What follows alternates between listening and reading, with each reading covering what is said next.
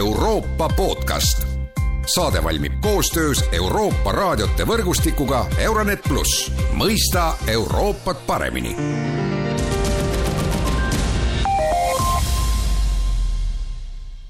tere tulemast taas kuulama Euroopa podcasti. Vene armee kuriteod Ukrainas on pannud rahvusvahelise üldsuse kõnelema vastutusest ja karistamisest ehk kurjategijate kohtu ette toomisest. Tänases Euroopa podcastis aitab teemat kommenteerida Välisministeeriumi juriidilise osakonna peadirektor Kerli Veski, tere päevast! tere päevast! ja mina olen Erkki Pahovski. no alustame sellest võib-olla, millest rääkis Kaja Kallas äh, Lennart Meri konverentsil, et, et Venemaa peab mõistma vigu läbi oma tegude kuritegelikeks tunnistamise, nii-öelda sõjasüüd ja aga kuidas me selleni jõuame, et et noh, mis on see reaalsus ja noh, paljud inimesed ju ikkagi küsivad, et noh, et millest te räägite, et ku-, kuidas üldse on äh, reaalne venelasi sõjakuritegudest karistada?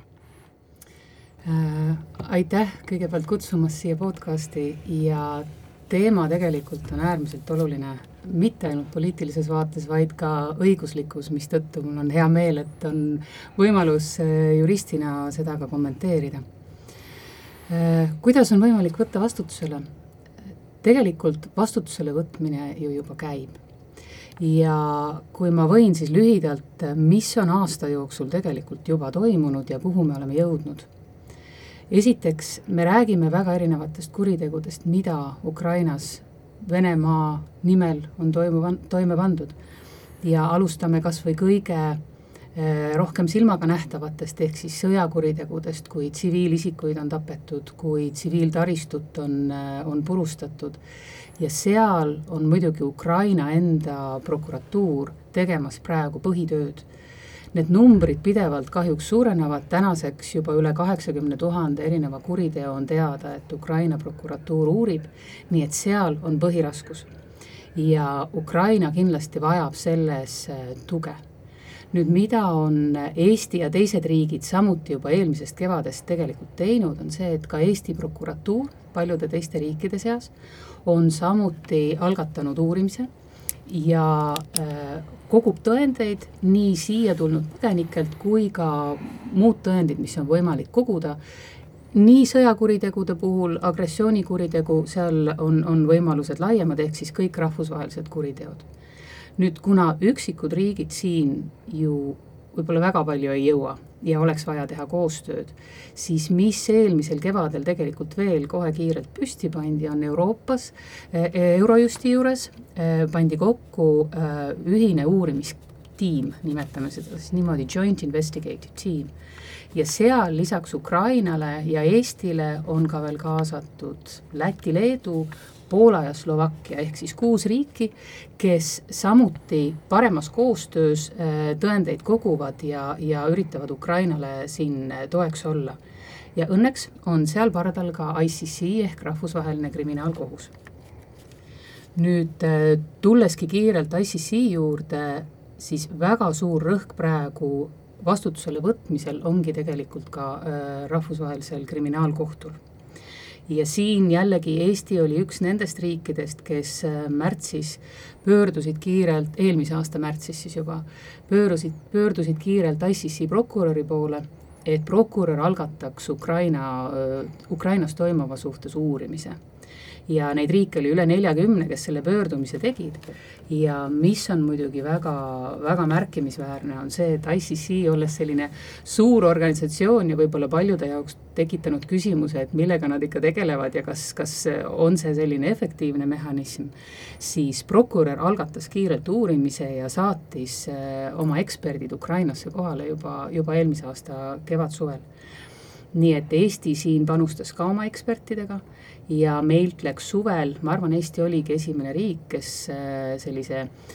lähetuse korras oma eksperdid jõudis sinna saata, nii et me saatsime neli inimest.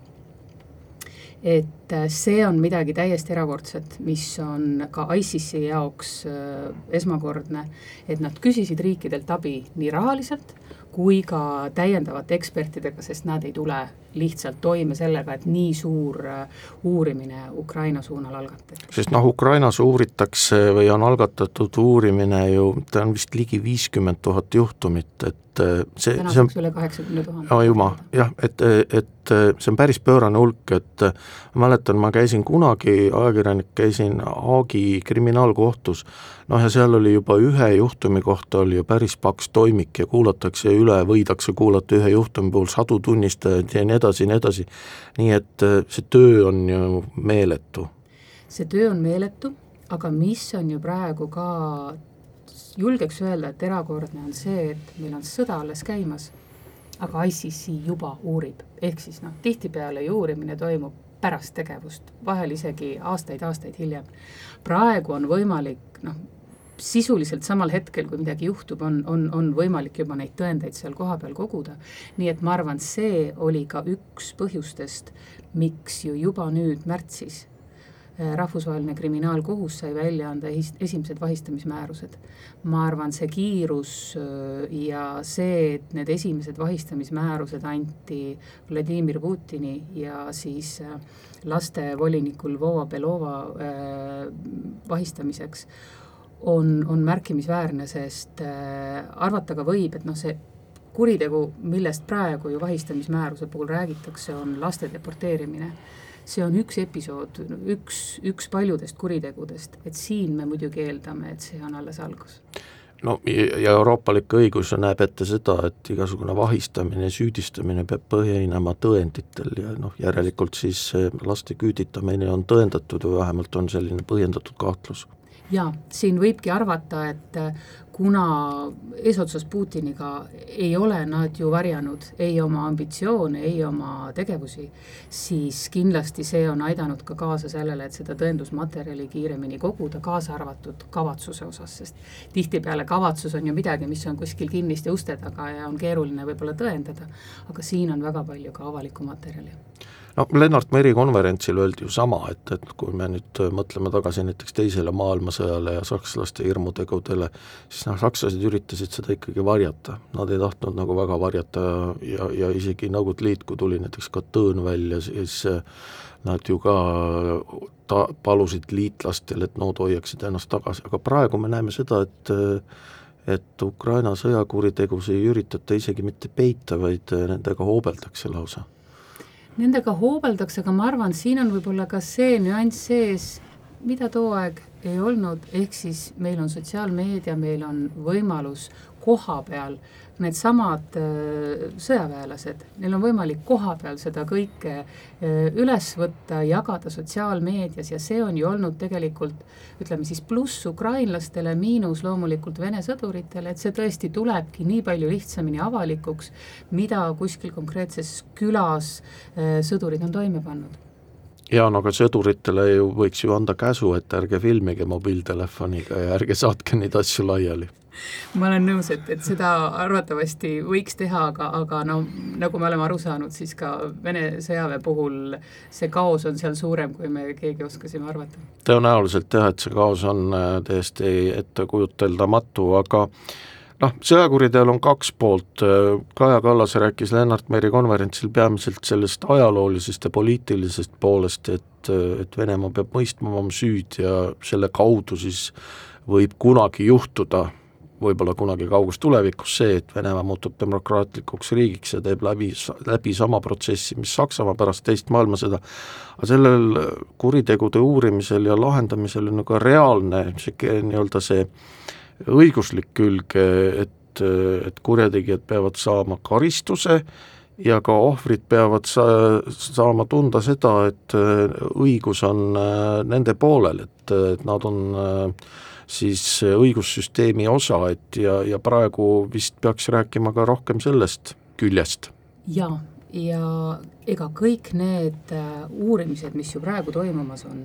eelkõige Ukrainas, aga ka Rahvusvahelise Kriminaalkohtu poolt ja, ja riigid, kes on oma riigi sees uurimised algatanud, see ongi ju sellest samast eesmärgist tegelikult kantud et äh, saaks ka õiguslikult äh, neid olukordi hinnata, analüüsida ja kurjategijad süüdi mõista. nii et see hakkab pihta nii tõepoolest sellest sõjakuritegude puhul, sellest nii-öelda kõige kõige tavalisemast sõdurist, kes, kes kuriteo korda saadab, kuni tegelikult, millest me täna hoopis rohkem räägime, sest ICC töötab, Ukraina prokuratuur töötab, on see, et kuidas me jõuaks sinna teise otsa ehk äh, liidriteni. nii äh, Venemaa tsiviil kui siis ka sõja, sõjaväelise juhtkonna äh, süüdimõistmiseni ja nende puhul on muidugi keerulisem süüdi mõista sõjakurjategid, sõjakuritegudes, mis on oluliselt lihtsam, võib nii öelda, tõendatav ja mis on tegelikult avalikkuses meil kõigile ju olnud äh, rohkem kui aasta eest näha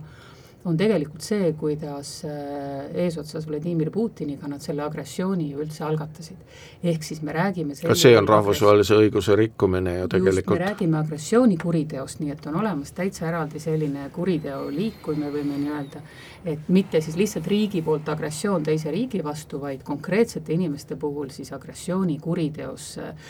süüdimõistmine ja sellega praegu tegelikult juba eelmisest suvest aktiivselt töö käib, kui ma võin nii öelda, tulemusi avalikkusele veel nii selgelt näha ei ole,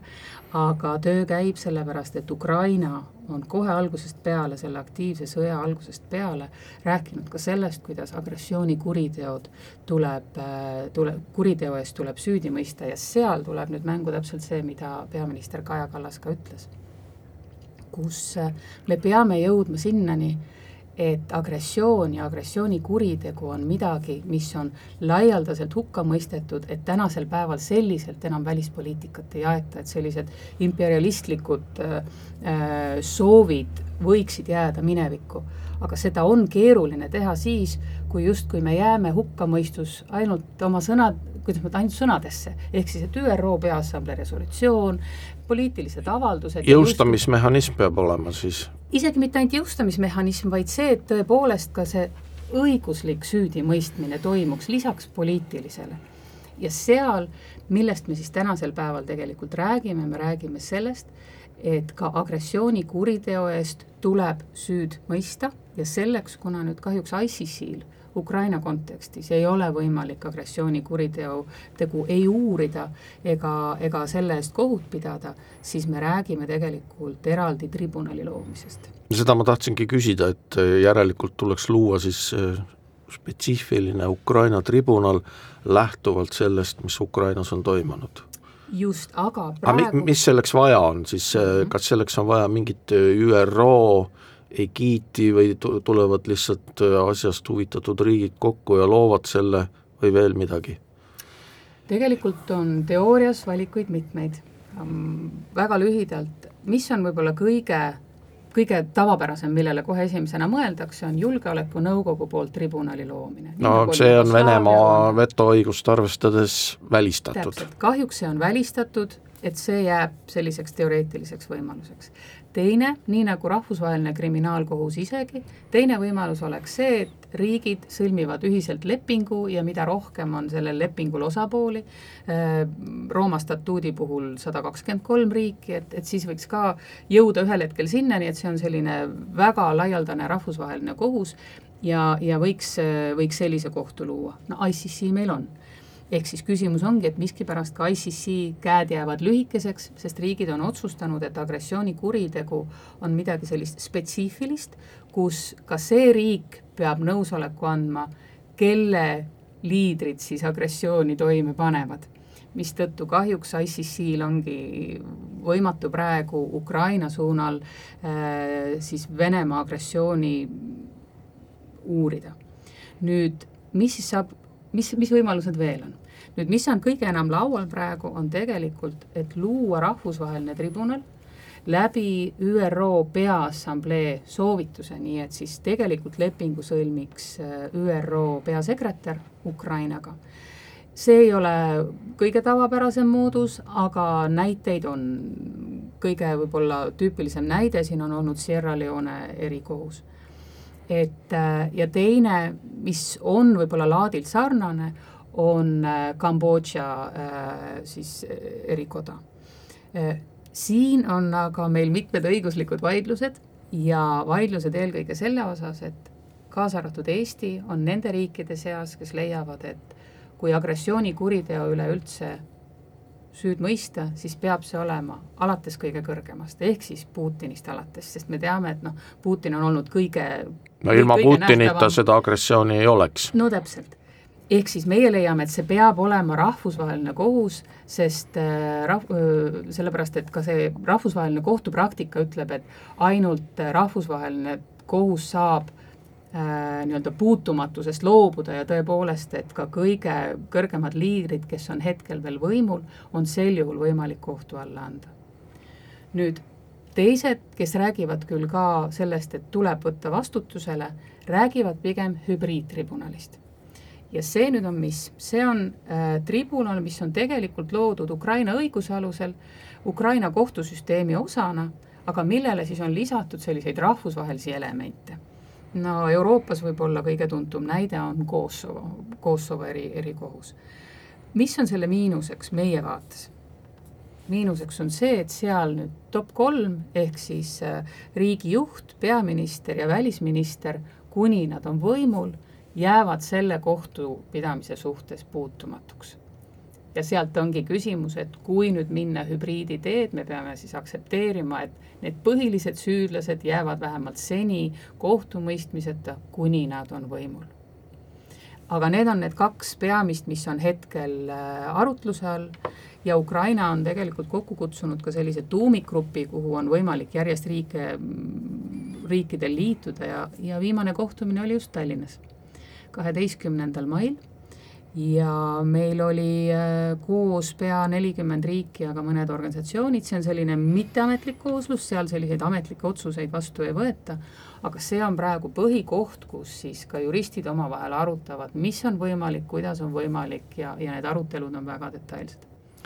aitäh, Kerli Veski Euroopa podcasti tulemast, meie siit lõpetame, kõike head ja kuulmiseni!